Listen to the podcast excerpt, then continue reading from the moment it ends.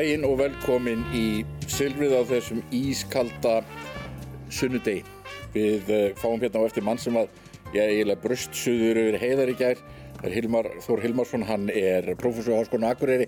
Uh, afskaplega fróður um málefni Östur-Európu, við ætlum að tala við hann um Úkrænumáli sem er náttúrulega stóra málið í dag. Man, maður veit ekki nema að það vofi yfir styrjöld í Evrópu sem er óhuguleg tilhugsun og uh, svo eru alls konar flækjur þar í kring í allarsbandalæginu Bandaríkinn, Frakland ekkit sérstaklega uh, samstilt í þessu máli. Uh, við ætlum að tala um handbólta í 40 myndur fyrst. Þó ekki alveg, en hérna við ætlum að tala um mikið til um sveitastjóndarkostningarna sem eru 13. mæ og uh, uh, já, flokkarnir er að stilla upp liðið sínu núna, þetta eru uh, sérstakar kostningar því leiti að það eru margir að hætta í bæjónum í kringum Reykjavík og svo er náttúrulega eða óvís hver verður í fórstusetti sjálfstæðsflóksins í Reykjavík. Alls konar vandræði upp í kennarar eru mjög leiðir á því að þurfa að samja við sambandistika sveitafélaga og náttúrulega COVID-málinn sem að blandast þar inn í þannig að það eru erfið verkefni framöndan í sveitafélagunum en ég ætlum samt að nefna handbóltan fyrst. Voruð að horfa á þetta gerð Björn? Þorlóksson sem er hér minn gestur. Ég þarf að kynna gestin, það er Björn Ingi Hrapsson Fríðjón Fríðjónsson Karin Kjartastóttir og Björn Þorlóksson hvað segir mér í vetningunni, varst það að horfa á þetta? Já, með hálfum huga þá hérna horfið ég ánleik ég held við værum alveg búnir eftir fyrirleikin þar sem við vorum þarna nánast á varaliðinu bara. Og mér fannst við gera mjög vel í honum gegn dönum svo náttúrulega þegar þegar ævintýri hefst þarna eftir fjóri eða fimm mínútur þá, þá hjælt maður alltaf sko það var sagt þarna að við vorum að leika okkur aði á fréttablaðinu að fyrir þessa keppni að nú þurftum maður að fara að æfa ó nei, ó nei, þú veist þetta ja. þetta hérna látbræð og, og þessi orð sem við erum vona að nota þegar, þegar vondikablin kemur og allt það Jú. en þá snýrist þetta bara upp í ó ég og, og sko þetta er Ég, ég er ekki bætan einu við sem maður hafa sagt en maður hefur náttúrulega bara aldrei lend í annar en skeðsraringu við að horfa ífróttir á Íslandi. Ég held að þetta hefur nánast eins og því að þerapía fyrir, fyrir hérna litlu nýpnu þjóð Björningi Jú, ég held að það sé bara merkurinn málsins. Í, í þunglindislegasta tíma bara í manna minnum hérlandi þar sem allir eru heima hjá sér að, að, að, að svekja sig á ástandinu að þá er þessi, þetta mót hérna algjört gull. Og svo er við lamin alltaf í hausinn bæði með það að Sigurinn í Eurovision var tekinn af okkur Jú. út af COVID og svo heldum við að það verið sama núna og ég tek undir með nafna mínum að, að vendingastuðullin fyrir þennan leik var auðvitað enginn, það var vant að átta bestu mennina og, jú, og, og, og þetta var nú ekki lið sem við vegum í auðvelt með að, að spila við en, en þetta var einhvers konar kraftaverk og ég held að þetta hafi haft sko meiri og jákvæðri áhrif á þjóðarsálina heldur en sé bara hægt að ná almenlega utanum, satt að segja. Já, Fríðjón, þú ert nú sportkall hérna valsari og, og, og valur er mikið, mikið handbóltafélag. Já, þetta, ég tek undir með, með björnunum að hérna, þetta, er, þetta var stórkostlegt og, og ég skal viðkynna að mynda, ég kvekti á þessu svona yfir eldamennskunni, ég var að byrja að elda og ég hugsa bara að ég hef leikin á og, og svona, þannig ég get hundsað þetta meðan ég er að búa til matin sko, Já. þegar þetta illa fer sko. En svo bara kom maturinn mjög senkt í kærkvöldi sko, Já. vegna þess að ég stoppaði. Þannig að hérna, þetta, var, þetta var frábært, þetta var óbáðslega gott fyrir þjóðasólina Því líkur styrkur líka í þessu liði að láta þetta ekki brjóta sig, að missa svona marga líki leikmenn út og, og það er bara stíðið upp og, og þarna og bara barist svona ótrúlega fallega mann er skilst að þetta sé einhver stærsti sigur bara á, á móti Fraklandi sögu EM jú. ég held að við hefum líka átt einhvert stærsta sigur sko á móti Fraklandi í HM Já. En okkur hefur hins vegar held ég ekki tekist að vinna Króata hinga til. Nei, en þeir eru frekkar slagir núna. Þeir eru með... Þeir eru, þeir eru að koma hérna inn Dagur og Ólafur og... þeir eru með hérna... Þeir eru með núlstig hérna í þessu millirriðli. Ég var sko einu svona hérna íþróttæðistamæður og mokkanum fylgdi landsliðinu á Ellend Mót sko og hérna þetta var alveg ótrúlegt en það er líka svona litlar sögur sem eru stórkoslar í þessu. Í fyrsta legi þá held ég að stórluti þjóðurnar hafi ekki haft guðmund um hver Ómar Ingi var þegar hann var hef aldrei- íþróttamæður ásins bara ekki hugmynd. Og talið að þetta væri sko staðfesting á því að íþróttafréttamenn væri alveg út á því. Og ég held að margir hafi þurft að geta hattinn sinn vegna þess að þarna er bara einhver stórkostlegur íþróttamæður á ferðinni. Og svo annað með Guðmund þjálfara eh, sem að af einhverjum ótrúlegum ástæðum lendur oft í mótvindi þrátt fyrir það að hafa unnið öll sín afreg Jú, jú. og það er eins og hann þurfi alltaf enn og nýja að sanna sig. Og það voru einhverju snillingar hér sem að döluðu um að einhver kerfi í honum væri ekki að virka og þetta og hitt og eitthvað svona.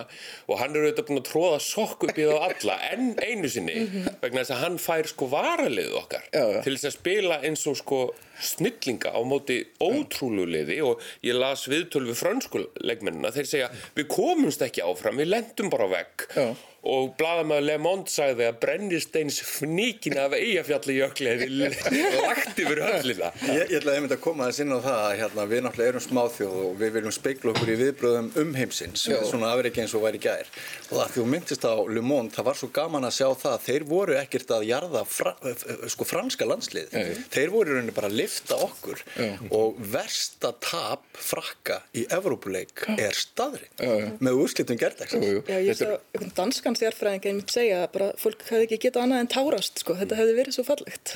Sko vona verði ekki fleiri sem að þurfa að draga sig í hliða samt. Mér fannst nú Tommi í Tommaborgur um alþingismar eiga stórleikan í gær þegar hann tvítaði hérna hvort að í meðan leikur stóði hvort að Manchester City væri hægt að spila í bláu búningu menn verður hún líka að fara á svona sína leiðir í lífinu. Okay. Heyru, við, en við ætlum að tala um kostningarnar í vor og hérna það sem er nú að gerast eins og ég nefndi á þann það er til dæmis, það er Reykjavík. Og það er ljóst núna að dagur Ekkertsson verður áfram eh, og en þess að vera óvist hvernig aðrir stillu upp.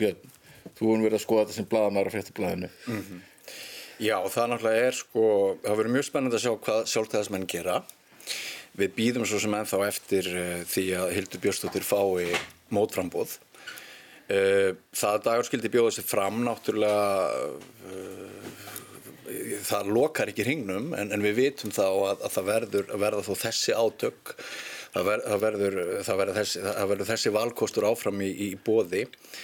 Uh, menn eru svolítið að reyna að finna ágreiningsefnin fyrir þessar sveitastjórnarkostningar það er pínu erfitt kannski að, að benda á svona hugmyndafræðilegar línur sem skarast mjög skart á milli flokka.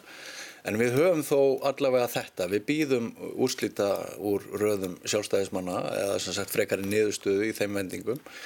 Dagur áfram. Ég fór í göngutúr með sinni mínu sem er 14 ára eftir leikin í gerkvöld og við fórum bara og löpuðum í tvo klukkutíma úti og það eina sem hann hefði á- áhuga á og hann er bara 14 ára, það var að spyrja mig spurninga um dag.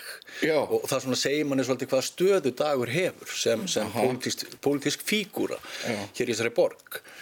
Um, Já Karin heldur til að segja sko, dagur myndi fer áfram að hann eigi það nokkuð víst að geta haldið saman þessum sama meiruluta náttúrulega, já eins og Björn segir, þá er hann mjög stór pólitísk fígura. En þetta er eiginlega, þetta fer algjörlega eftir því hverjir sko fara á mótunum og hvernig þeim tekst til.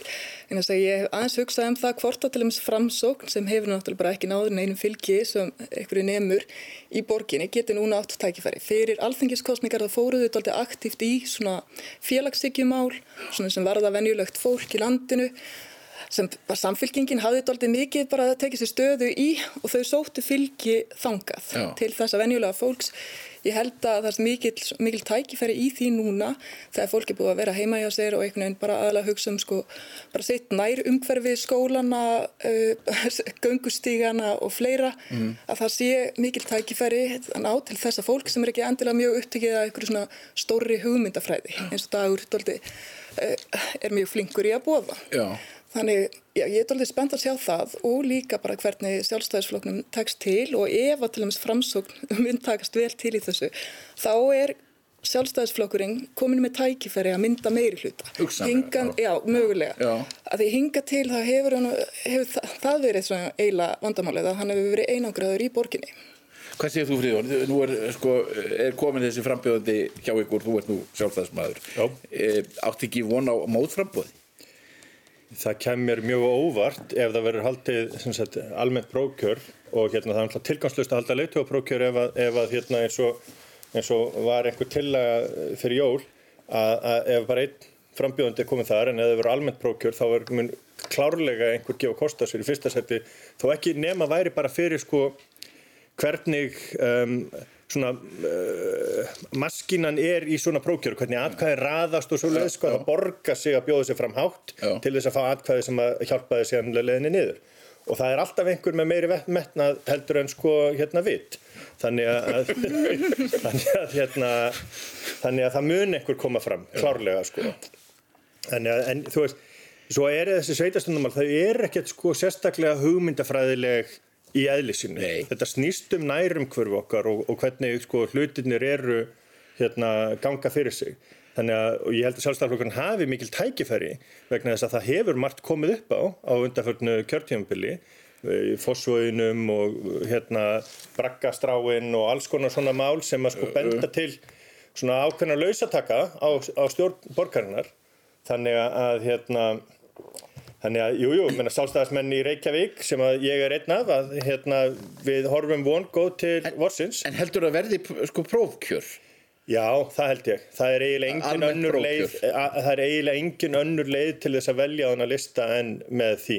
Bara fyrir flokkin, fyrir það sem að er, sko, hérna, það var ekki prókjör síðast, það var þetta leiðtóprókjör svo að stilt upp, það er, það er ekki gott að stilla upp tvö, tvö kjörtjónbili röð, að séu sko, hérna, borgarfulltrúa sem hefur ekki sótt stuðning til sko, flokksmanna sitt í átta ár Og er eiginlega ólíkt því sem hefur oft verið í sjálfstæðarfloknum vegna þess að var ekkert prófkjör þá veit maður eiginlega lítið hvaða fólki er í borgarstuð fyrir sjálfstæðarflokkin einhvern tímann já. gæt maður talið það upp svona nokkuð öfullega ég, ég, svo ég ætti lífið að leysa það En, en það. getur talið upp alla þingmennina? Já, held ég, okay. nokkurn veginn hva, Af hverju hættir Eithor? Uh, Átt hann ekki eða? hann ber fyrir sig uh, persónulegum aðstæðum en ég held að honum hafi verið ljóst eins og mörgum öðrum að þú ert bara nýtt andlit einu sinni og í sjálfur sér var hann ekki einu sinni nýtt andlit á sínum tíma fyrir fjórum árum en uh, ég held meðal annars að það hafi verið gerða mælingar sem síndu bara mikinn styrk hildar gegn honum af ymsum ástæðum og og ég ætla ekki að gera lítið úr hans uh, aðstæðum, hann bara tekur sína ákvörðun en hún kom uh, jafnvel nánasta samstarfsfólki hans óvart, þannig að hún var hún var tekin uh, í skyndingu og það var, það var bara breytt um kurs það sem er aðtiklisvert er að Hildur á tól dögum fer úr því að vera underdog eða, Já. eða svona áskorandin í því að vera bara í þeirri stöðu að menn er að velta fyrir sig hvort einhvern muni bjóða sig fram gegn henni. Það er mjög áhugaverð staða og, og hún hefur náða að stimpla sér rækilega inn með því margi sjálfstæðismenn eru hins vegar að velta fyrir sig hvort hún sé nær degi í ymsum málum. Í- það er þá hennar að finna út úr því núna og ég held hún sé algjörlega meðvituð um það. Að hún þarf að tækla sjálfstæðismenn sem að bölva umferðarpolítikinni og hinn og Já. þessu alla daga. Já.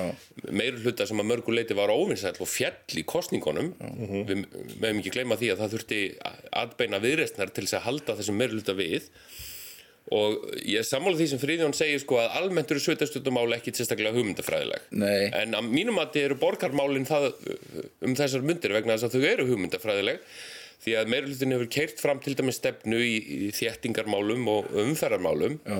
sem er bara pólitísk stefna og þau eru rosalega svona sjálfsörug og ánað með sig Já. í því þrátt fyrir óanægju margar borgarbúa sko dagur skrifa heila bók Já. sem er mjög eh, hérna, sem er eins og bara hann sé að bóða, það er þéttingastefnan það er borgarlínan Já, já. og, og það er flugullun, hann, hann er harður á þessum, margt, þessum málum margt, af því, margt af því er alveg skynsanlegt en vandinn er sá að Reykjavík er ekki ein og sér á meðan að, að við til dæmis að því að þegar ég var í borgarstjórn þá ákveðum við að skipulegja stórt hverfi í Úlfarsardal til þess að vera þar með ódýrar íbúðir fyrir þá sem að vildu uh, slíkt húsnæði. Það var ákveð að gera það ekki út af umferðarmálum hjá þessum meirulta En þá bara taka Kópavór, Hafnafjörður, Garðabær, Ölfus, Hveragerði, Akranissi til. Selfoss. og Selfoss og byggja upp á fullu. Og þá fáum við alveg sama fæði af því að Reykjavík er ekki þetta einn og sér. En eru þetta átakalínuðar í þessum kostningum? Þetta verður þetta voðalega daburlegar átakalínur ef þetta eiga að snúast um sko einhverju umferðamáli. Ég bý í Garðabæ og vinn út á Granda og ég hef ekki tekið eftir einhverjum sérstökum svona vesenni að komast á milli staða. En þú veist, þetta er voðalega hávært mál og það er auðvelt greinilega espa fólk upp í þessu En hvort það veri kosið um þetta, ég, ég veit það ekki. Mér finnst þetta svona óleiklegt til árangurs. Mér finnst þetta svona eins og framsókn kom fram síðast að með minnir og talaði bara stöðut um að flugvöllurinn ætti að vera í Vassmýrinni. Já. Veist, það er enginn að fara að kjósa út af eitthvað svona. Þú vilt breyðari línur. Þú, þú meinar að þetta sé ekki það sem að eh, ekki munu þess fallið að vinna kostningar Ég muni reyna það, sko, en Já, ég, ég, Já, ég, er ekki sammálaður vegna þess að sko að, að hérna út, við sjáum það á- í útkvarfunum þar sem að sko tæplega helmingur um það bil helmingur kjósenda býr þess að grafa voru að breyðholti þar er gríðarlega óanægja með umferðamálin hérna, ég veit ekki hvernig þú mættir í vinnuna en hérna klukkutíma á dag Þetta er rosalega, þegar ég bjóð í Garðabæ þá voru ég að gefa, þá voru ég algjörlega sálast að, út af umferðinni þannig að En er það ekki aðalega á Kópavóðsálsinn og þar að Nei, menna, það binnir hún er bara alls og grínverðarbröndinu það er bara stöppur og það sem Já. hefur gerst í Reykjavík sem að ég veit ekki hvort það hefur tekið eftir út af því að þau eru svo öryggi sinni umferðarpólitík að þau eru meiri sem búin að loka hægri beigjum sem að taka ekki Já. með á ljósum. En- og þá er fólk ennþá lengra í umferðinni vegna þess að þá að segja okkur öllum að þessi betra að að taka strætó heldur en að gera og, bíl. og svo hefur það skoðað sko frambjöðandu samfélkingarnar það eru tveir í á þessum lista sem að búa austan elliða allir hinnir, hinnir 14 eru allir sko hérna í 108 og sko og vestar. Þannig að sko það, sko hérna útkverfin er ekki eins og endurspegluð inn í þessum En þurfið þið ekki að fá ykkur útkverfamann bara hjá ykkur í sjálfstæðarflóknum þá? það er, síðasti listi var hellingur af útkverfa fólki En svona uh, því að Hildur held ég búi bara vestur í bæ líka, er það ekki? Jú, jú, hún býr í vestur í bæ það eru félagar Björn og Friðjón. 101 Hérna, og 107 sem er alltaf Ég stjórn. hef alveg lendið því að verða pyrrið í umferð, umferðinni og svo sem, en þarna... Þú ert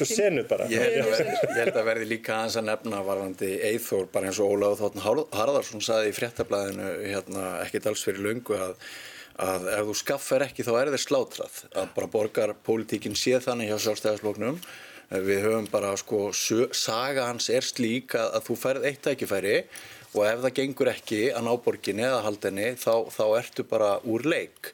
Og hann til dæmis í því samhengi benti á sögu Bjarnar Benediktssonar sem ég finnst mjög aktuelt að margir vilja horfa á prósentufylgi sjálfstæðisflokksins á landsvísu til alþingiskostninga og segja að þetta er lérið til Bjarnar, miklu minna fylgi hérna núna. En eins og Ólafur segir, það bara skiptir ekki máli.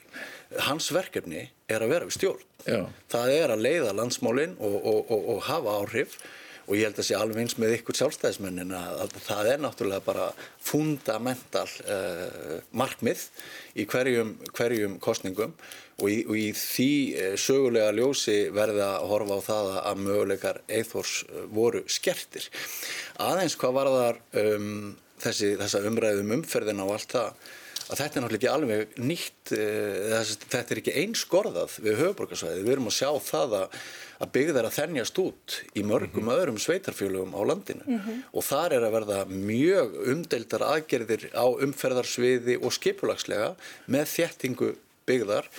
Og ég held að það megi kannski taka undir bæjarstjóra Akureyrar uh, ástildi Sturlu dóttur sem sagði það ekki alls fyrir lungu að í hennar huga þá myndu þessar sveitastjórnarkostningar um allt land snúast um fjármál sveitarfélaga sem við höfum örugleitt að ræða hér á eftir, og hins vegar skiplagsmál.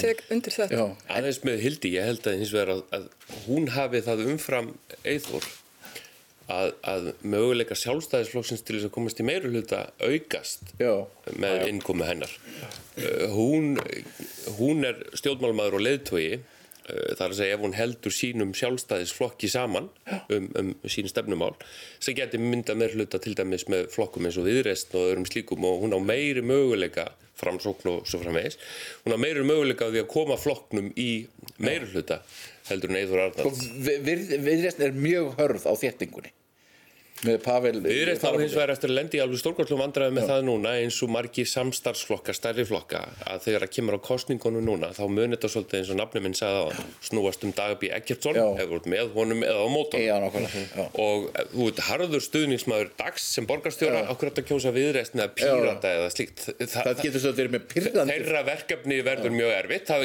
getur gert á pyrraða Já. og þá getur aukist mögulegur því að þeir hugsi, heyrðu, kannski ætlum við að vinna með einhverjum öðrum til þess að búið til sérstöðu fyrir okkar flokk vegna þess að viðreist, viðreist var gaggrind fyrir að verða bara enn eitt vinstri flokkurinn. Og það Ég er lengi ekki verið pyrraður á þessu. Jú, og viðreist var ekki stopnud til þess að verða vinstri flokkur. Já, Alveg eins og það var ekki möguleiki fyrir viðraust að, að fara í samstarf með sjálfstæðarflokknum fyrir fjórum árum síðan þegar þeir voru nýkomnir út úr uh, illa hefnu ríkistundarsamstarfi uh, 2017 að þá er allt annað pólitískt landslag núna og það er möguleiki fyrir viðraust. Það, það skemmir ekki þeirra ímynd pólitískt Nei. vegna þess að þeir hafa, jú, færst miklu meira til vinstri og það sér við stundum valla munin á þeim og samfélkingunni í mörgum álum á þingi. Þannig að, að, að tækifæri viðreistna til þess að móta svo sérstöðu er einmitt að, að vinna í aðrar áttir heldur en bara í þessu meirhluta en svo er ég hins vegar mjög skeptiskur á að framsókn fari til, hérna, til hægri í borginni vegna þess að framsókn hefur alltaf verið mjög vinstri sinnaði flokkur í Reykjavík. ekki alltaf hérna fram, framsóknarflokkurinn er hérna er, er daldi ráðgata hérna í borginu það er náttúrulega, þeir unnu alveg rosalega kostningasögur hérna og nánast áður óheyrðan kostningasögur uh, ég, ég svoleiðis hafði ekki gessið á tíma stengrim sliklega eða eitthvað svoleiðis en, en hann er að uh, og það er náttúrulega spurningi hverjum hverju stilla þeir fram? Þeir þurfa náttúrulega að finna fólk sem að höfðar til til kjósenda. Er, já, ég veit ekki, ég er svona hæg með þetta einhvern veginn. Ég- já, Hérna, já, þetta er alveg rétt þér. hérna, sko, fram, ég held við þurfum ekkert að kenna framsóknumönum mikið um það hvernig á að stilla sig af í kostningabartu eða auðlýsingaherferðum. Nei. Við erum að ágættir í því Já. í, í, í, í fortíð og, og, og nútíð. Hins vegar er þetta alveg rétt. Þetta snýst um fólk, þetta snýst um að skinja svolítið mómentið, þetta snýst um að ef að Hildur tekur ákveðna línu í skipulagsmálum að þá þarftu að vera með einhvers konar mótvægi Já. þá er smá gambítur í því að, að Sigurður Ingi hefur verið samgöngur á þeirra sem tók þátt í að samþykja þessa borgarlínu Mm. ásamt ímsum bæjastunum sjálfstæðisflokksins sem að verðast allir vera á úr pólítið núna hver einasti annar bæjastunum sjálfstæðisflokksins sem, sem að tók þátt í þessu nema það var mögulega Rósa. Já. og hún gæti verið að fara í slag lífsíns við Guðmund Átna sem er komin aftur og það svolítið rammar inn stemninguna í samfélaginu, við erum að horfa á verbúðina og við erum allir nostalgíu kasti við því. Við erum allir núna aftur góð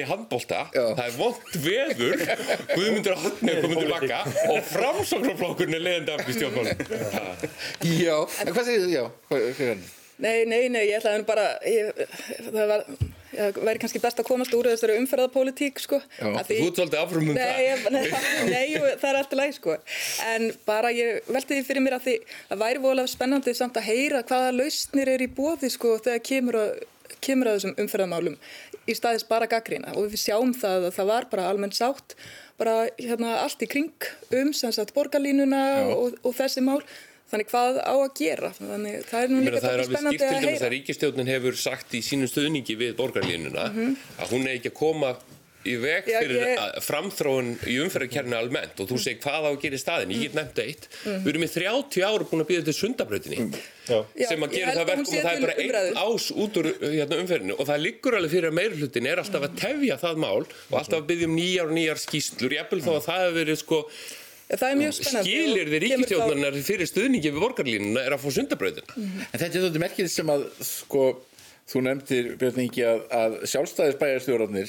Í þessum frekar tryggum meirilutum hérna eru allir að hætta mm. nema, nema Rósa. Það er allir búin að vera mjög lengi. Já. Eh, hérna, En nú þetta er náttúrulega þannig að það er hægt að stilla upp kókasa þarna og hann vinnur ef hann er í nafni sjálf, sjálfstæðisflokksins.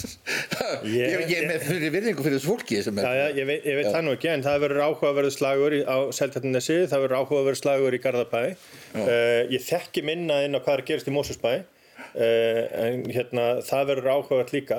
Það eru allt bæjastóri sem er búin að vera sko síðan 2003, 4, 5, 6 og 7. Já. Þannig að hérna, búin að vera mjög lengi og, og skiljanlegt að þessu að hætta. Þetta er góð kenning með að hérna, þetta sé tengist eitthvað borgarlínunni, en, hérna, en ég held að það sé ég með þetta er ekki kenning, þetta bara er svona Þetta er nöfn þeirra sem skrifuð undir Það eru bara, þeir eru að hætta hérna, á, það, það verður bara áhugavert og það verður sko vegna þess að sjálfstæðarflokkurinn hefur haft mjög sterka stöðu einmitt í, í hérna kraga sveitafélaginu. Já, hann, maður sér ekki að hann hefur stundum átt í hann er alltaf verið að vera alveg örugur í Garðabænum og svo ég vil það selta þetta nessi já. en nú er náttúrulega sko kemur þessi hugsanlega atlaga frá Guðmundi Árna inn í Hafnafjörð sem er náttúrulega með merkilega því að sko Guðmundur Átni var náttúrulega bæjastjóri þarna á sínum tíma og pappans var líka bæ- bæjastjóri og þar erum við bara fann að tengjast aftur í sko kratabæin sem var í Hafnafjörði frá 1935 til Þeir voru sko með hreinan meir. Jú, í, í 30 og eitthvað ára er Mér finnst líka varandi seltjarnan sem að verða aðeins að huga að þessum stórmerku tíðindum sem urðu þar um daginn þegar Bjarni Torfi Álþórsson, bæjarfulltrúi, tók þátt í því með minnihlutanum, sem sagt hann bæjarfulltrúi sjálfstæðismanna gengur til þess með minnihlutan til þess að fá útsvarshækkun. Já. og, og hérna margir vilja meina það að, að hann hafi þar með uh, gert sig gildandi sem oddvita efni sjálfstæðismanna að rjúfa mörkin á milli. Sjálfstæðismannurinn Fríðjón kannski getur nú eitthvað leiðrétt leiðrétt Ég meina, hann hefur bara ekki búið sér fram sko, þannig að hérna, Nei, það er bara svolítið merkilegt að, að, að hann geti taka þessa afstöðu Já, og það Já. kannski sko varðandi það að, að hérna, við erum að tala um að, að þetta sé náttúrulega allt öðruvísi heldur en alþingiskostningar sem sveitastjórnarkostningar eru og snúist kannski ekki allt og mikið um hugmyndafræðilega nágreining að það er ekkit ólíklegt að endun í að ríkstjórnarsamstarf vinstri græna og sjálfstæðismanna þessum áður voru taldir einhvers konar pólar að, að það svona blörris svolítið línunar í þessu öllu við erum með uh, meiri hluta á Akureyri sem að bara rann saman úr minni og meiri hluta vegna COVID. Þar er engin eh, hérna, meiri hluta og minni hluti lengur, þetta er bara einhvers konar þjóðstjórn. Það er þjóðstjórn á Akureyri. Já, það er þjóðstjórn á Akureyri. Og það er margt finnst mér sem að bendi til þess að eins og ég segja átakarlinnar séu að breytast og, og, og, og svona, því væntalega fylgja kostir og gallar. En hva, hva, sko, hvað gerist á Akureyri? Er, er enna minn saman, er það út af COVID eða er það út af bæjastjóran sem er ráðunandi hún er, er vinsæl, hún á hérna ástöðu störtudóttir Já, sko með, þetta rann saman vegna, gaggjart vegna COVID þegar ljóst var að, að það erði gríðalegur halli á, á bæjarsjóði og öllu því að, að þar á bæ þá ákvaða menn semst bara að taka slegin saman. Já. Eh, Það eru skiptar skoðanir með niðurstöðuna og, og hérna ég hef nú rætt þetta við flesta bæjarfulltrú á Akureyri og þeir segja jú þetta var mjög áhugavert en ég er samt ekkert endilega vissum að við viljum endur taka þetta og það er áhugavert af því við erum að tala um nýliðin og endurníðin. En það er margir að hætta Akureyri Það eru tveir af 11 sem ætla að gefa kost á sér á. En það kannski segir þá vegna þess að það eru engin ábyrgur. Það- kjósendur getur ekki bent á þennan og hinn, það er allir einhvern veginn í þessu saman og það er ekki meiri hluti og minni hluti og hvaðan á aðhaldið að koma og, Og þá komum við að því að ég held að fjármál sveitarfélagina verður mjög mikið til umræðu núna fyrir þessar kostningar. Og kannski jafnvel fjöld- COVID. Já, og við erum búin að tala um að, ok, hugmyndafræðilegur ágreiningur eru ekki kannski aðalmáli hérna í Reykjavík, en ég held að við getum séð mjög mikla pólitík færast í sem sagt, þessa kostningabaróttu víða um land þegar við erum að tala um virkjanamál, raforku, öryggi og svo fleira og fleira. Því það er allt annað upp á teiningum og það er sammenningamál. Að því, sko það eru, við erum búin að færa alveg óskaplega mikla, mikla ábyrð yfir að sveitafélagin og þau hafa kvengað sér yfir því að fjármunir hafi ekki fyllt með. Uh, Það stefnir í mjög svona, uh, stefnir í harða kjarabartu kennara, þeir eru pyrraðir eftir COVID og þeir eru pyrraðir yfir ummælum formans íslenskra sveitarfélaga í þeirra garð og það, þeir hafa verið undir miklu álægi en líka sko bara já, einmitt nýjar skuldbendingar sem sveitarfélagin þurfa að standa undir og það er bara spurning hvort að mörg þeirra geti staðið undir þessum skuldbendingum að því bara í ljósi þess hvað þau eru smá. Þetta hefur verið gaggreint að til þess að standa undir þessum skuldbendingum þá eru lítil sveitarfélög búin að tengja sér saman með alls konar samlög og þá er búið að færa völdin frá þessum kjörnum fulltrúum og yfir til einhverja embættismanna þannig að þetta hefur orðið bara til líðræðis hallar hreinlega Já. Og þó að það hefur verið fallið frá því í nýjum lögum um sveitarstjórnir að gera það lámarki að sveitarfélög séu almennt þúsund manna, svona, það segir þín gullna regla, þau ég að minnst okkurst í þúsund, þá stendur hann í lögunum að þau skula jafnaði vera. Og ef ekki þá þau an- einu sinni á hverju kjörtímabili að sagt, leggja fram áallun hvernig þau ætla að standa undir sínum skuldbendingum nú eða tilkynna hvort þau ætlu að fara í sammenningamál. Þannig þetta er eitthvað vandamál sem sveitarfélagin standa ennþá frammi fyrir. Já. Það eru tveir málaflokkar sem eru að þér virðist samkvæmt því sem maður heyrir hjá sveitstjórnafulltrúum stórkoslega fjársveltir, málefni fallara og grunnskólanir. Að það fylgi ekki þau framlög sem, sem þurfi. Og af hverju hefur þetta breyst svona? Það er vegna þess að þjónustan hefur stór aukist ár frá ári. Við viljum vera velferðarsamfélag í fremstu röð. Við viljum veita öllum frávikonum og öllum jaðarsettu í grunnskólakerfinum uh, fullkomna þjónustu. Þá þarf að stór fjölga starfsfólki félagsliðum og, og bara fólki út um allt. Og, og það er þetta sem að hérna, það er talið að kannski annað hvert sveitarfélag á landinu berjist í bökkum fjárhagslega Og á ekki síst út þetta af var lögð gríðarlega áhersla á fjármálaráðstefnu sveitarfélagana núna í haust og tekið mjög stert til orða Já. að mörg sveitarfélög, lítil Við höfum sveitarfélög ekki heldur gleyma því að skólanir hafa í skólulandsins og auðvitað sérstaklega kannski kringum höfuborgarsvæðið hefur verið unnið uh, algjörst þrekvirki núna í tvö ár við að halda þessu skólastarfi gangandi Jú. við algjörlega absúrt aðstæður. Uh, það sem skól, maður, maður er að fá tölvuposta frá skólastjórnundum fram að miðnætti á kvöldin í, í smitrækningu innan skóla. Eftir því sem að nefnendur fá SMS-um að þessu konum með COVID og þá þarf að láta alla vita og þá er farið af sem stað. samband íslenskra sveitarfélagi neytar að, að þeim sé greitt fyrir. Já, af vegna þess að sveitafélagin hafa líka auðvitað farið bara mjög illa út úr þessum faraldur og ég held að verðum aðeins að ræða faraldur vegna þess að, að hérna, eh, það er mjög merkild sem er að gerast núna. Eh, það er algjörlega veið að láta veiruna gossa hérna upp á síkastið og, og það getur enginn verið undrandi á þeirri þróun sem er átt í stað að smittin séu aðalega meðal barna og ungmenna vegna þess að það var bara tekin ákvörðun um það að halda skólastörfunni opnu. Smitt, smitt sjótuma sérfræðingar segja rauninni að það mætti allt annað vera opið en ekki skólanir ef við ætluðum að stoppa veiruna. Já. nú er bara komið þetta nýja afbreyði og ef Þórólur hefur alltaf sagt að gögnin tala alveg sínu máli það á bara að aflétta hér aðgerðum eins og annar staðar mm. vegna þess að við erum búin að taka hér tillit til landsbytalans í, í tvö ár sem var alveg gífulega mikilvægt og ekkert hægt að horfa fram með því En við meðum ekki glemma því að sko vandi landsbytarnas er ekkit bara út af þessari veiru. Þórólfur var hérna í haust að var okkur við RS-vírus og influensu af því hann hafði svo miklar áhugjur af landsbytarnum. Já. Og landsbytarnan er aðeins að ráða verkefni undanfanna daga vegna þess að það eru nokkur engareikin fyrirtækin búin að loka starfsemi sinni og lána allt starfsfólki. Já, já. Engareikin fyrirtæki sem hafa hálfpartin verið lögð í einelti af heilbyrðisöfuveldum mm. undanferna ár en síðan auðvitað þegar þetta kastana kemur þá er þarna hámentað og flott fólk sem að við þurfum á að halda og við þurfum auðvitað núna af því að við erum að tapa nokkrum miljardum á dag út af þessu COVID en erum ekki tilbúin að borga kannski 1-2-3 miljardar í aukabónus fyrir hjúgrunafólki okkar í hlýðarbúningunum Nei. sem er óskiljan Eða kennarana Já, og bara framlínu fólk, Já. öruglumenn, kennara, Já. heilbriðstarfsfólk vegna þess að við getum ekki verið í þessi stöðu lengur. Við erum með tímanna hámark núna. Það eru sko fleiri inn á vellinum í handbóltæri í leikjunum sem við erum að horfa á. Já. Það eru fleiri á varamannabeknum. Það eru 20.000 manns að horfa í höllinni. Við erum að horfa á fótbolta það sem eru 60.000 manns að horfa bara í ennsku knæspunni. Og við erum einhvern veginn först á meðan að smitin er að grassirast hjá börnum úlingum. En sko þetta er svolítið, kannski svolítið skrítið að, að já, það, það mega eiginlega engi, menn má, fólk má helst ekki koma saman á veitingahúsum en smittin er, í- er í. Já, og og ég meina, við verðum bara Þetta, horfa... þú veist, aðgerðirnar veginn Aðgerðirnar eru út af stöðun á landsbílanum, það er ekki út af omikron, Nei. það er ekki út af hættu á þessu, þessu afbreyði og Guð forða okkur bráður frá því að það komi svo nýja afbreyði um páskana og við verðum ennþá að forða ferðast innan hús.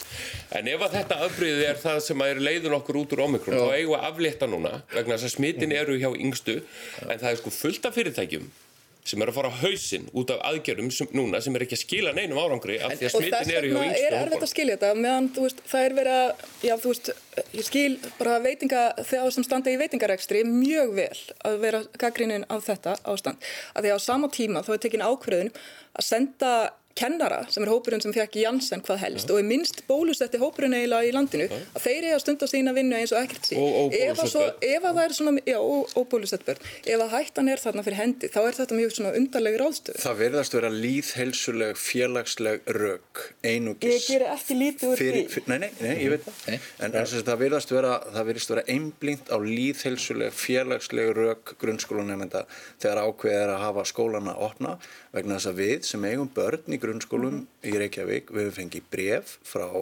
skólastjórnundum, við höfum heyrt Helga Grímsson hjá fræðslusviði segja að það sé ekki verið að kenna eftir námskrá núna vegna forfalla. Það eru svo mikil forföll að það skiptir ekki öllu máli hvort þú mætir í skólinu eða ekki í því samengi, nema félagslega. Og við getum heldur ekki gert lítið úr því finnst mér að þessar, þessar bæði innlenda rannsóknir og erlend, erlendis þær eru að tala um hérna börn og ungminni sem upplifa glötuð æsku ár í þessum faraldri. Og þetta róf sem verður á félagslegum tengslum það er náttúrulega mjög alvarlegt.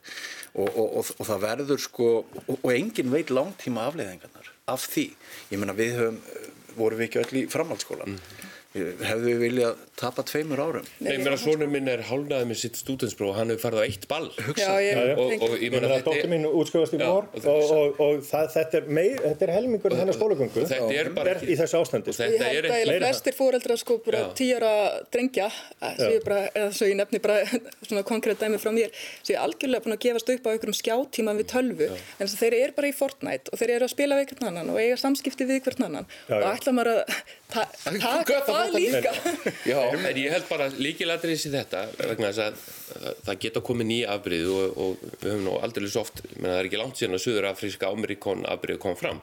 En á meðan að við sjáum gögnin, af því að Þórur er alltaf að tala um gögnin gögnin sína að þetta er ekki mjög alvælt eins og er Ástand á landsbytarni núna er bæði heimatilbúin vandi og fortíðarvandi og síðan út af þessum nokkra tugum deltaafbreið sem er í gangi, ekki omikron.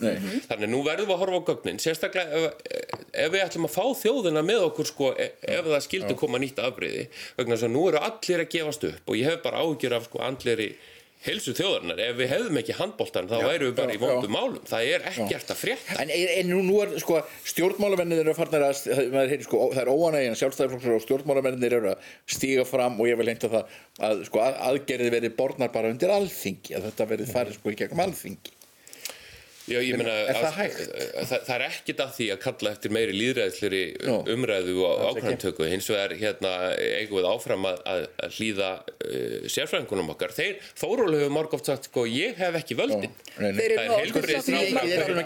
er heilbriðisráðuna sem að staðfestir reglugerðir og annað. Þórólur uh, ráðleikur bara. Nei, við erum, við, sko, fókus okkar á COVID sjálft hefur verið svo óbærslega mikið, fókusin á smittulurnar, fókusin á allt það sem að sko hérna, e, e, sko, hérna snýr að þessum e, sko faraldri hefur verið svo miklu, miklu meiri heldur nokkuð staðar annar staðar þar sem maður ber niður og sér til.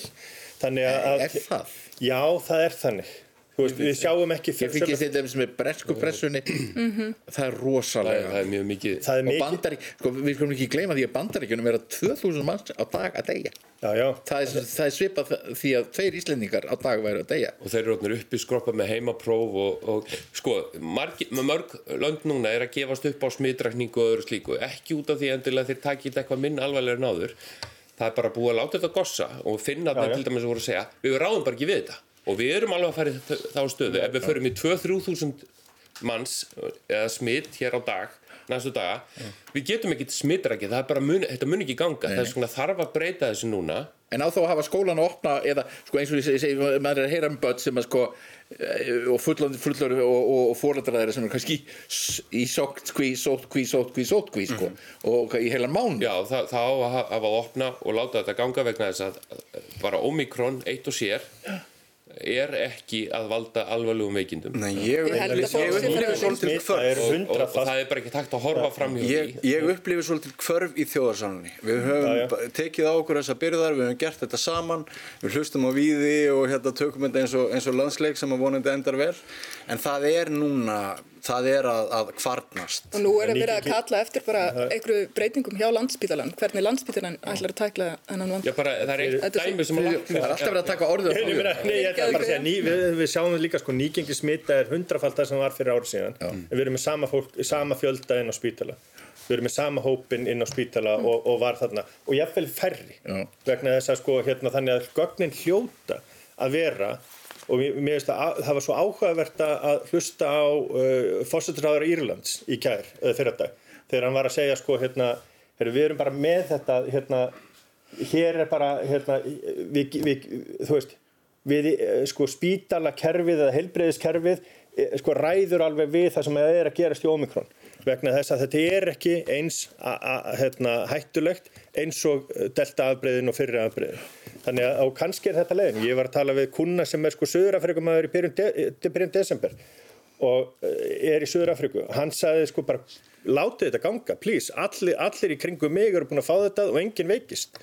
Þannig að hérna, og ég, ég er ekki að segja að ég hafi vitað þessu frekar en Þórólfu, eða þú veist, fram yfir einhver aðra, en þú veist, allar þessar litlu dæmisugur af þessu sko afbreyði hljóta benda til þess að við hljótum að geta sko hérna hætta að, að hegð okkur eins og þetta sé bannvætt sjúkdómur eh, um, eða einhvers konar faraldur sem að eh, Omikron er, þetta bendist bara til þess að þetta sé nánast eins og flensa.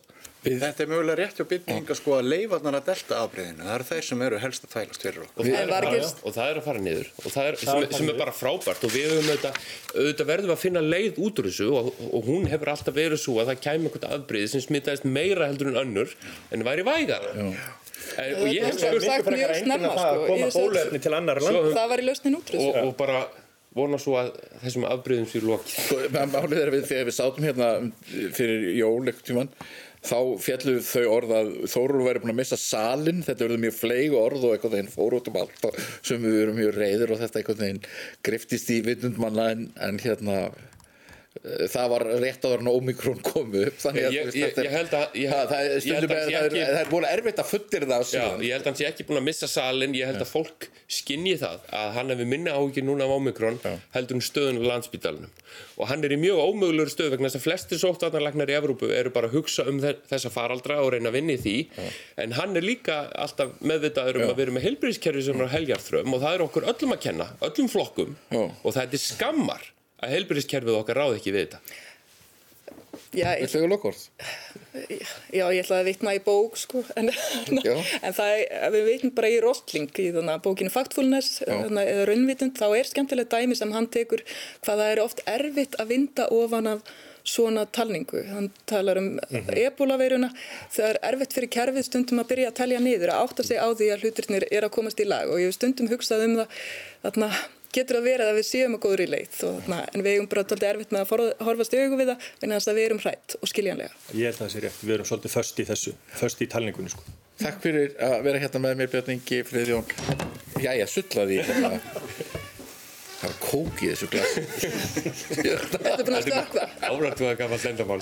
Áratuga gafall lendamál, ég drekk kók í sinu munu. Það er skamma hérna þess að tvo. Við verðum höldum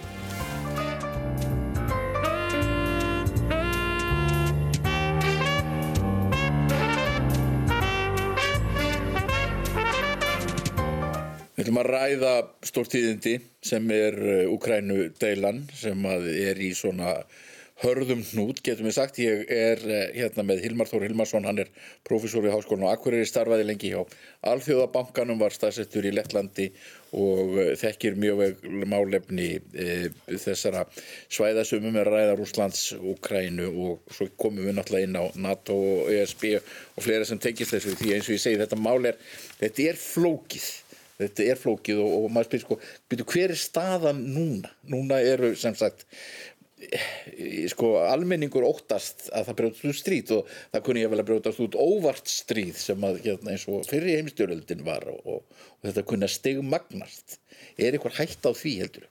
Ég held að það sem þú segir varandi slís, það það, það gætið verið hægt með, með það kannski en ég held að, að það verði meiri hátt á stríð að það verði, verði stór stríð Ég held ekki, auðvitað er þetta spurning fyrir Putin frekar. Hvað, hvað maður gerast þarna, hvað hann ætla sér? En ég minna Úkræna er 44 miljónir manna. Þetta er mjög stórt land. Rúsland er eitthvað 144 miljónir ef það fari hefðbundistri í Úkrænu þá er það mjög erfitt og dýrt. Og ég held að þeir séu ekki búin að gleima Afganistan að það var nú eitt ánstæð fyrir því að, að Sovjetekingi hrundu. Þannig að ég held að það sé, sko, það sé ekki líklegt að verði þetta stórt það verða átök. Og Úkræna náttúrulega er í ægilegri klemmu það er engin, það, það er engin fram, enga framfarir, engin hagvöxtur þarna þetta lesið landið hefur farið mikið aftur og það heldur áfram að landið er mikið í klemmu og svo er náttúrulega ólíkir hagsmunir innan, innan NATO, innan Európa-sambansins og svo fara hagsmunir bandaríkjana og NATO ekkert endilega saman. Já, þannig að er, við skulum koma inn á þetta alltaf en, en rússar eru þarna eins og nú stendur með mikinn sko herfið landamærin og þessu þannig eru þeir að gera sko 12 ára á sér og, og valda ímslum ímslum usla. Og skilabóðið þeirra er það að ef, ef þið eru að tala um NATO aðild og Europasamars aðild þá munum við halda þessu áfram og besta leiðin fyrir ykkur til þess að fá frið og fá að vaksa og fara aftur í gang sem eðlert hagkerfi og eðlert þjóðfélag er að hætta NATO og Europasamars umræðum. E, sko, hverjar eru, er það, það, þetta eru helstu kröfur rúsa eða hvað? Já, sko, rússar náttúrulega vilja alls ekki að þeir fara inn í NATO.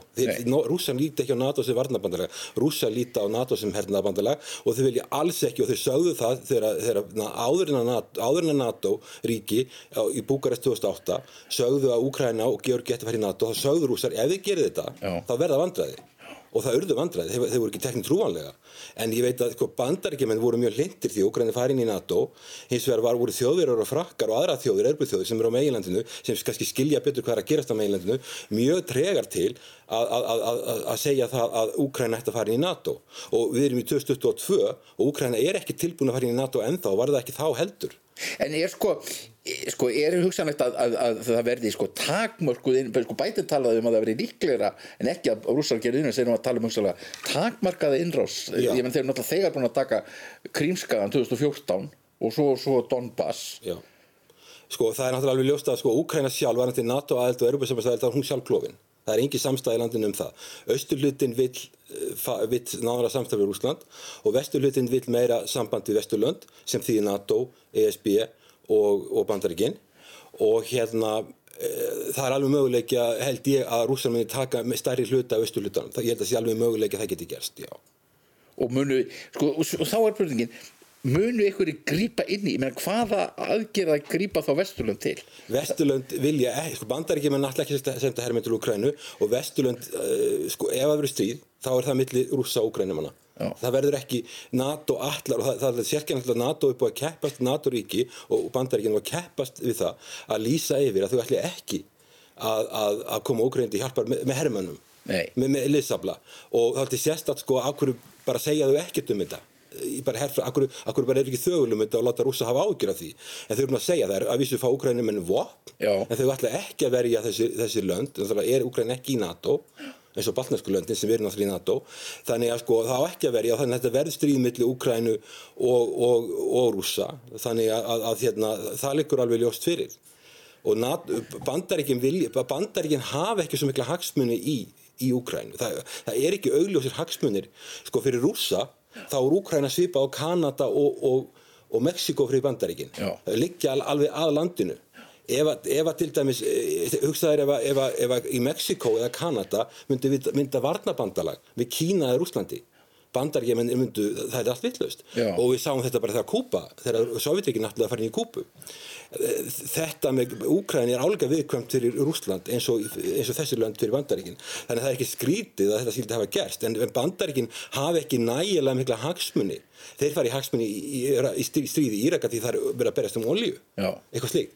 Þeir fara í, eru tilbúinir að fara í kannski einhver átök í, í Suðaustur Asi þar svo mikið að því að Kína er, að- er, er, er að ógna svo mikið bandaríkjunum.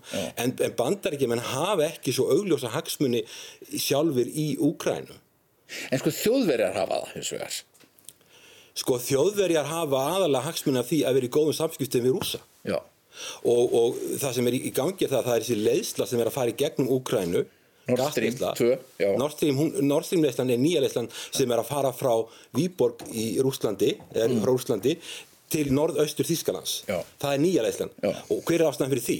Rússar náttúrulega, það er ekkit viðnandi fyrir rússa að leiðsla og gasleiðsla sé að fara í gegnum land sem þeir eru í hálfgjöru stríði við. Já. og það eigur áhættuna og það því það gasverð eins og það búið að vera að gera fyrir öllu valdi. Og fyrir rússa og, og þjóðvira þá eru þeir sammálum það að það sé betra að gasleistan fari í gegnum eistrasaltið rússar eru með eistrasaltflota þjóðverðir eru með herskip líka á þessu svæði og þeir geta náttúrulega alveg stjórna því hvað er að gerast þarna fyrir leiðsluna sem er að fara í gegnum er í neðasjá leiðsla og er, er, er, er á hafi úti þar sem þeir geta verið við skip og fylgst með. En í Úkrænu getur engi stjórna þessu.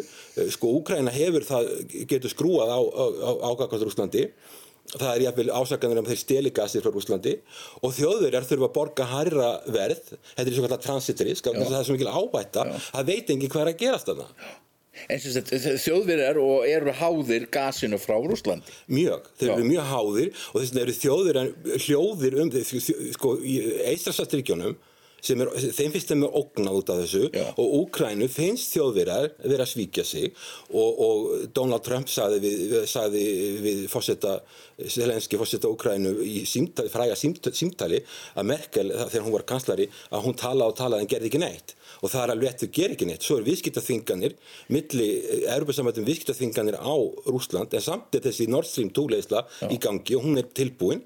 Og hún kostaði eitthvað 1500 miljardar íslenska krónum við tölum íslensku krónum. Þetta er stór framkvæmt og, og, og, og hérna Trump var alveg á mótu sín tíma og sagði við, við þjóðverðin og sagði við NATO þið eru að dæla peningum í Rúsland Þískaland er að byggja um varnir frá NATO. Já. fritt Já. á sama tíma eru þið að dæla peningum inn í Rúsland til að Rúsland geti eftir sínar varnir og, og, og, og gerð sína hér upplögri og, rá- og, og ógnað Úkrænu og öðru erburíkjum En sko NATO er náttúrulega í mjög sko sérstakri stöðu að NATO eh, við erum komið með Póland og Lettland, Litáin og Ísland inn í NATO og, og það er náttúrulega liggur þarna upp við, upp við landamæri Rúslands og, en við erum satt til með, með það að, að þegar Trump lýsir því að NATO mun ekkit endilega virkja sko grein 5 í, í allarsáttmánum að árás á eitt ríki sé árás á þau öll Já. Eh, sko hver er þá tilgangur NATO? Hvar er NATO? Svo það, það veit það enginn, ef þú spyrir fórsættu Fraklands og því hvort það er artikul 5 garantí sem þú ert að vísa til sem Já. er það ef þú er áðast að eitt land, þá er það árás á öll. Já. ef þú spyrir hann að því, hann, þá segir hann nýlega í viðtali, ég veit það ekki hvort þetta er eitthvað svirði og ég er viss um að það, þetta baltinskulandi, Ísland, Lettland og Litáin hafa áhyggjur af þessu, hvort þetta sé raunverulega eitthvað svirði, því að NATO er ekki með neitt heri, vill ekki vera með neitt heri í þessu löndum sem geti varið þessu lönd. Þannig þau eru náttúrulega NATO-ríki og Póland hefur líka áhyggjur þessu hvort að artikul 5 hef- og það er að vöxtur Kína hefur veikt bandaríki svo mikið. Já. Þeir eru að flytja her, her herafla frá Evrópu til Öst, Östur-Asju og, og það er ekki alveg ljóst hver skuldbinding bandaríkjumanna raunverulega er það kæmi til átaka. Sjálfur myndi ég efast um að, að, að, að, myndu verja til dæmis segjum að þeir eru ráðast á Lettland. Það er veikasti punktur í Latgali, það sem eru meiri hluti rússar. Já. Eða jáfnvel Narva í Íslandi það sem eru meiri hluti rússar. Eða myndu taka það, svipað á. A- Að NATO myndi bregðast við því að bandaríkjum myndi senda her til að berjast á landamærunum. Ég persónulega efast um það, en ég veit það ekki. En sko það er náttúrulega stóri rúsneski minnlutar Já. þeir hafa reyndar verið, það verið ekki verið farið vel með það fólk sérstaklega, en þetta var fólk sem var flutt þangað yfir á, á stalistímanum en eru náttúrulega orðnir íbúar þessar landa. Já, margt þetta fólk er fætt í löndunum en það er ennþá mikil spenna þarna á milli og austur hluti Lettlands og, og Íslands er aðalega rússar og þar gæti það er ekkit ó, mjög ólíkt eins og Donbass Já. og það, já, það er ekkit farið sérstaklega vel fólk hafi takmarkan atkvæðisrétt að hafi ekki sömu vegabrið, það, það voru alls konar takmarkanir sett og þetta er alltaf sögulega mjög erfið staða þessi lönd þegar þau eru tekin af Rúslandi þá eru kannski þeirra besta fólk flutti Sýberju í þrælabúðir Jú, jú. vinnubúðir og, og, og tilbaka eitthvað fólk sem rússa vilja losna við þetta er ábáslega erfið saga sem þarna er og maður skilur þetta kannski ekki alveg hvernig þetta er en þú skil, hér er helmingur í Boríka eru rússar. Og, og, og hérna Íslandi er, er eitthvað 25% íbúa landsins í heild rússar þannig að þetta er mjög viðkvæmt og þessi lönd hafa gríðarlega miklar áhyggjur. Staðan er ekki eins alvarleg í Litáin því að það eru innan við 10% rússar þar en Litáin hefur líka verið mjög mjög harða aðstöðu við rússa.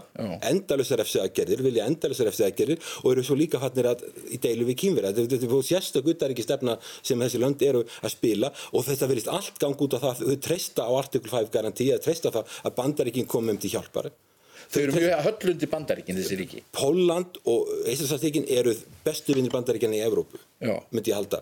Þau, og kannski, kannski össum litur Rúmenía þessi lönd treysta bandaríkjunum Já. en þau treysta ekki Þískalandi nei, og, og treysta ekki Evrópusamlunni og treysta ekki Fraklandi fórseti Fraklands fyrir að byrja með sameigilegan Evrópuher þau treysta ekki sameigilegum Evrópuher þau myndi ekki treysta því Póland eða Íslandsartíkin að, að Þískur, Franskur her myndi koma til að verja þau og þau treysta hins vegar bandaríkjunum. Hvort að það tröst er þess verðt það er, það er spurning. er Frakland, eh, sko fann það aðra Frakland sem vilja þennan Evrópu her og, og, og hann er náttúrulega á þeim fórsöndum að, að menn get ekki lengur treyst á NATO að, að, að þeir svona verði Evrópu komið sér upp her. Já, það er það sem að fórseti Frakland segir að það bara að bandaríkinn er búin að snúa sér baki við, við, við NATO. Og e- ég held að helsta ógn uh, nat, við, við, við erum bandaríkjan í NATO er vöxtur í Östur Asju Jú. þingri og þingri byrði bandaríkjana út af, út af Taiwan, út af Suð, Suður Kínahafi og svo framvegis þannig að sammeili franski hér frakkar eru mjög hlindir þessu en, en það sem að hinn löndin óttast og eru örmulega öll eistur og löndin óttast Já. Ísland, Ísland flagg. Þau óttast hérna sko að- að þau, þau óttast náttúrulega Rúsland þau, og þau treysta á bandaríkin. Þau eru öll mjög höll undir bandaríkin og hafa alltaf verið. En bandaríkin eru náttúrulega við uh, Kína er náttúrulega sko á leiðin að verða stærra veldi en bandaríkin Já. og bandaríkin eru náttúrulega með Kína algjörlega á heilanum. Já og þeir eru með þetta á heilanum, þetta er sálfræðilegt. Bandaríkin þól ekki að finna það að einhvern hagkerfi verið stærri en þeirri hagkerfi. Og þau, það er eitthvað sem við, Evrópubúar, verðum að sko, það, það, við þurfum ekki að hafa ágjur af því að bandaríkin verði minna hagkerfi en Kína. Eða, og það kemur að því að bandaríkin verða líka minna hagkerfi en Indland, þannig að Indland er 1,4 miljardar manna. Já. og ef að Indverjar ná sama sumu tekjum á manni svo þeir eru með í Indverjar sem búi í bandaríkjunum þá verður Indland líka miklu stærri en bandaríkin Þannig að sko við erum að horfast í auðvið það bandaríkin eru, eru í sálagreppi við því að þeir séu að vera nummer 2 eða 3. Já. En það, Evrópa þarf ekki að hafa svo miklar áhyggjur af því. Við þurfum ekki, við erum með tvíhliða vartasamningu bandaríkin, við erum í NATO, við þurfum ekki að vera, vera að hafa áhyggjur af því hvort að bandaríkin vera nummer 2 eða 3. Þau heitir kjarnakuveldi, Já. þeir geta varið sig og þá sem þeir vilja Já. og, þeir, við þurfum ekki, en bandaríkin hafa gríðan miklar áhyggjur af þessu og, og hérna og, og, og, og það og, ég líka held að hagsmunni bandaríkjana, gagvart Kína og hagsmunni Evróp fara ekkert saman. Nei. Evrópa getur verið í góðu sam, samskiptum við Kína og viðskiptum. Alveg sjálfsagt eins og þjóðverið að gera og, og hérna án þess að, hérna, geta alveg en hins vegar band e, og, og, og, og þetta kaldastrið sem er núna verið í Austur, Austur-Asju það verður þar en ekki í Evrópu. En, en eru band, er það er vilji í bandaríkin til að reyna þá að teima Evrópuríkin út í þetta stríð með sér? Mér finnst það vegna þess að í júni þá var haldin uh, að leita á fundu NATO og þá kemur kommunikið, svona fundagerð og þá er allt í henni Kína orðið einn helsta ógn við NATO. NATO náttúrulega stopnað til þess að verja Norður-Ameríku og Evrópu, Já. ekki Austur-Asju eða ekki einu sinni miðsturlönd.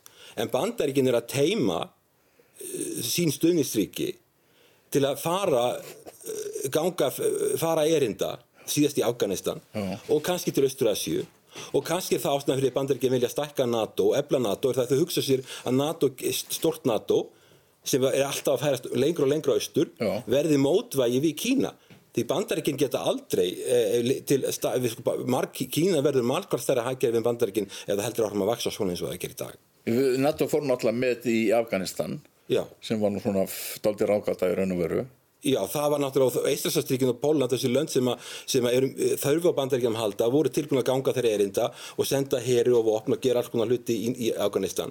Og það náttúrulega fór eins og það fór, Tóm, t- tapa stríð. En, en sko, það er náttúrulega víðir sem er áhugjur og Norðurlöndun eru líka áhugjur af þessu og, og þar er vígvæðing í gangi Já, sko, eh, Finnland og Svíþjóð hafa sérstaklega miklar áhyggjur. Finnar eru enn sin orðsjóðsóttu flugflota, eh, kaupa nýja vélar frá bandaríkjunum. Svíjar eru efla sinn her í Gotlandi sem að liggur að Íslandslættíkjunum. Þeir óttast árás á Íslandslættíkin. Sko, Svíjar eiga stóran hluta af bankakerfi Íslandslættíkina. Gríðalegir fjársaksmunni sem Svíjar eiga í þessu löndum og þeir eru að efla har sín, sín her í Gotlandi til að verja, verja sjálfa sig og þessi lönd.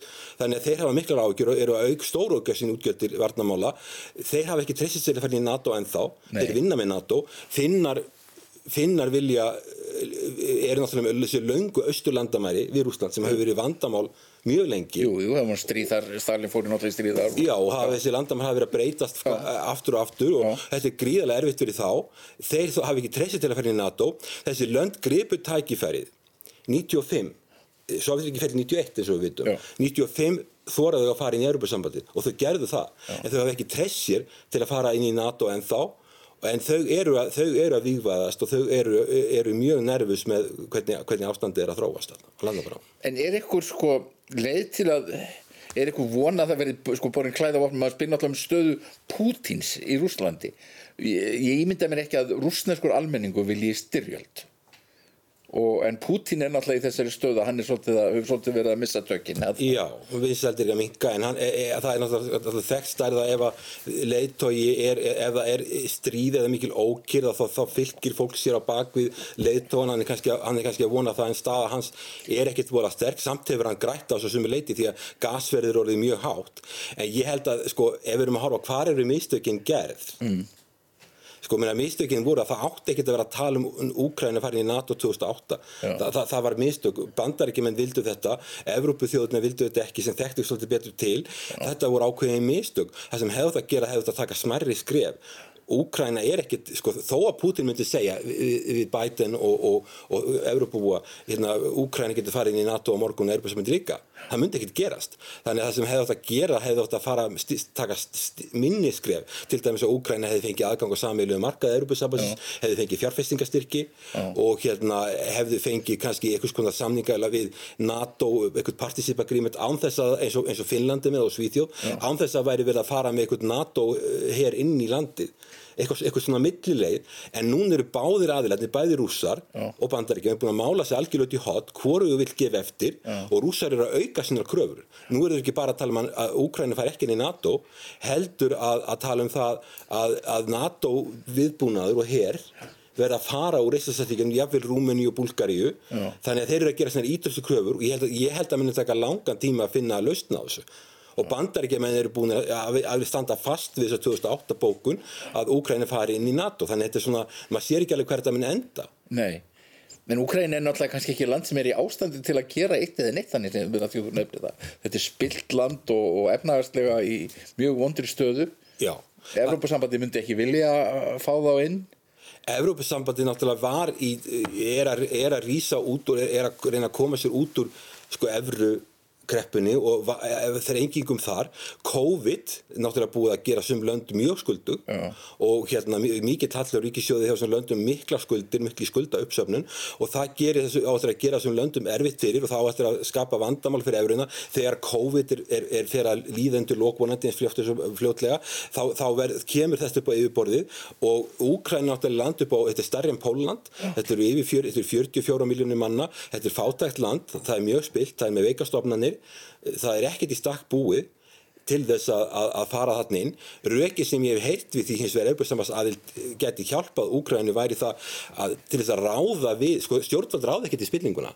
Erbjörnsamast geti hjálpað þeim að vinda ofna spillingunni og það er stumisrök sem ég hérst frá Alþjóðabankan og ég fótt í Kíf og talaði af Alþjóðabankan í, í, í, í Úkrænu fyrir, fyrir, fyrir ekki svo langu síðan. Og það voru svona þess að þeir sáu fyrir sér að það þyrti utan að koma til að vinda ofan þessu en þetta tekur mörg ár. Evrópusambandið er með tæki og tól og reynd fólk að hjálpa löndum að fara í gegnum umbreytingar. En það er taka langan tíma og við Úkræni þá erum við kannski ekki endilega að tala um mörg einhver ár, við erum að tala um kannski árat, einhver, nokkur áratugi þess vegna sem þetta geti að, að, að það færi inn í erubjörnsamandi og fyrir utan sem hún nefnir Úkræna þarf gríðarlega mikla fjárfestingu ja. og hvaðan eiga þeir peningar að koma ef þú harfur á Þískaland, Þískaland sem er bara, sem er bara vélinn í efnastega vélinn í erubjörnsamandi ja.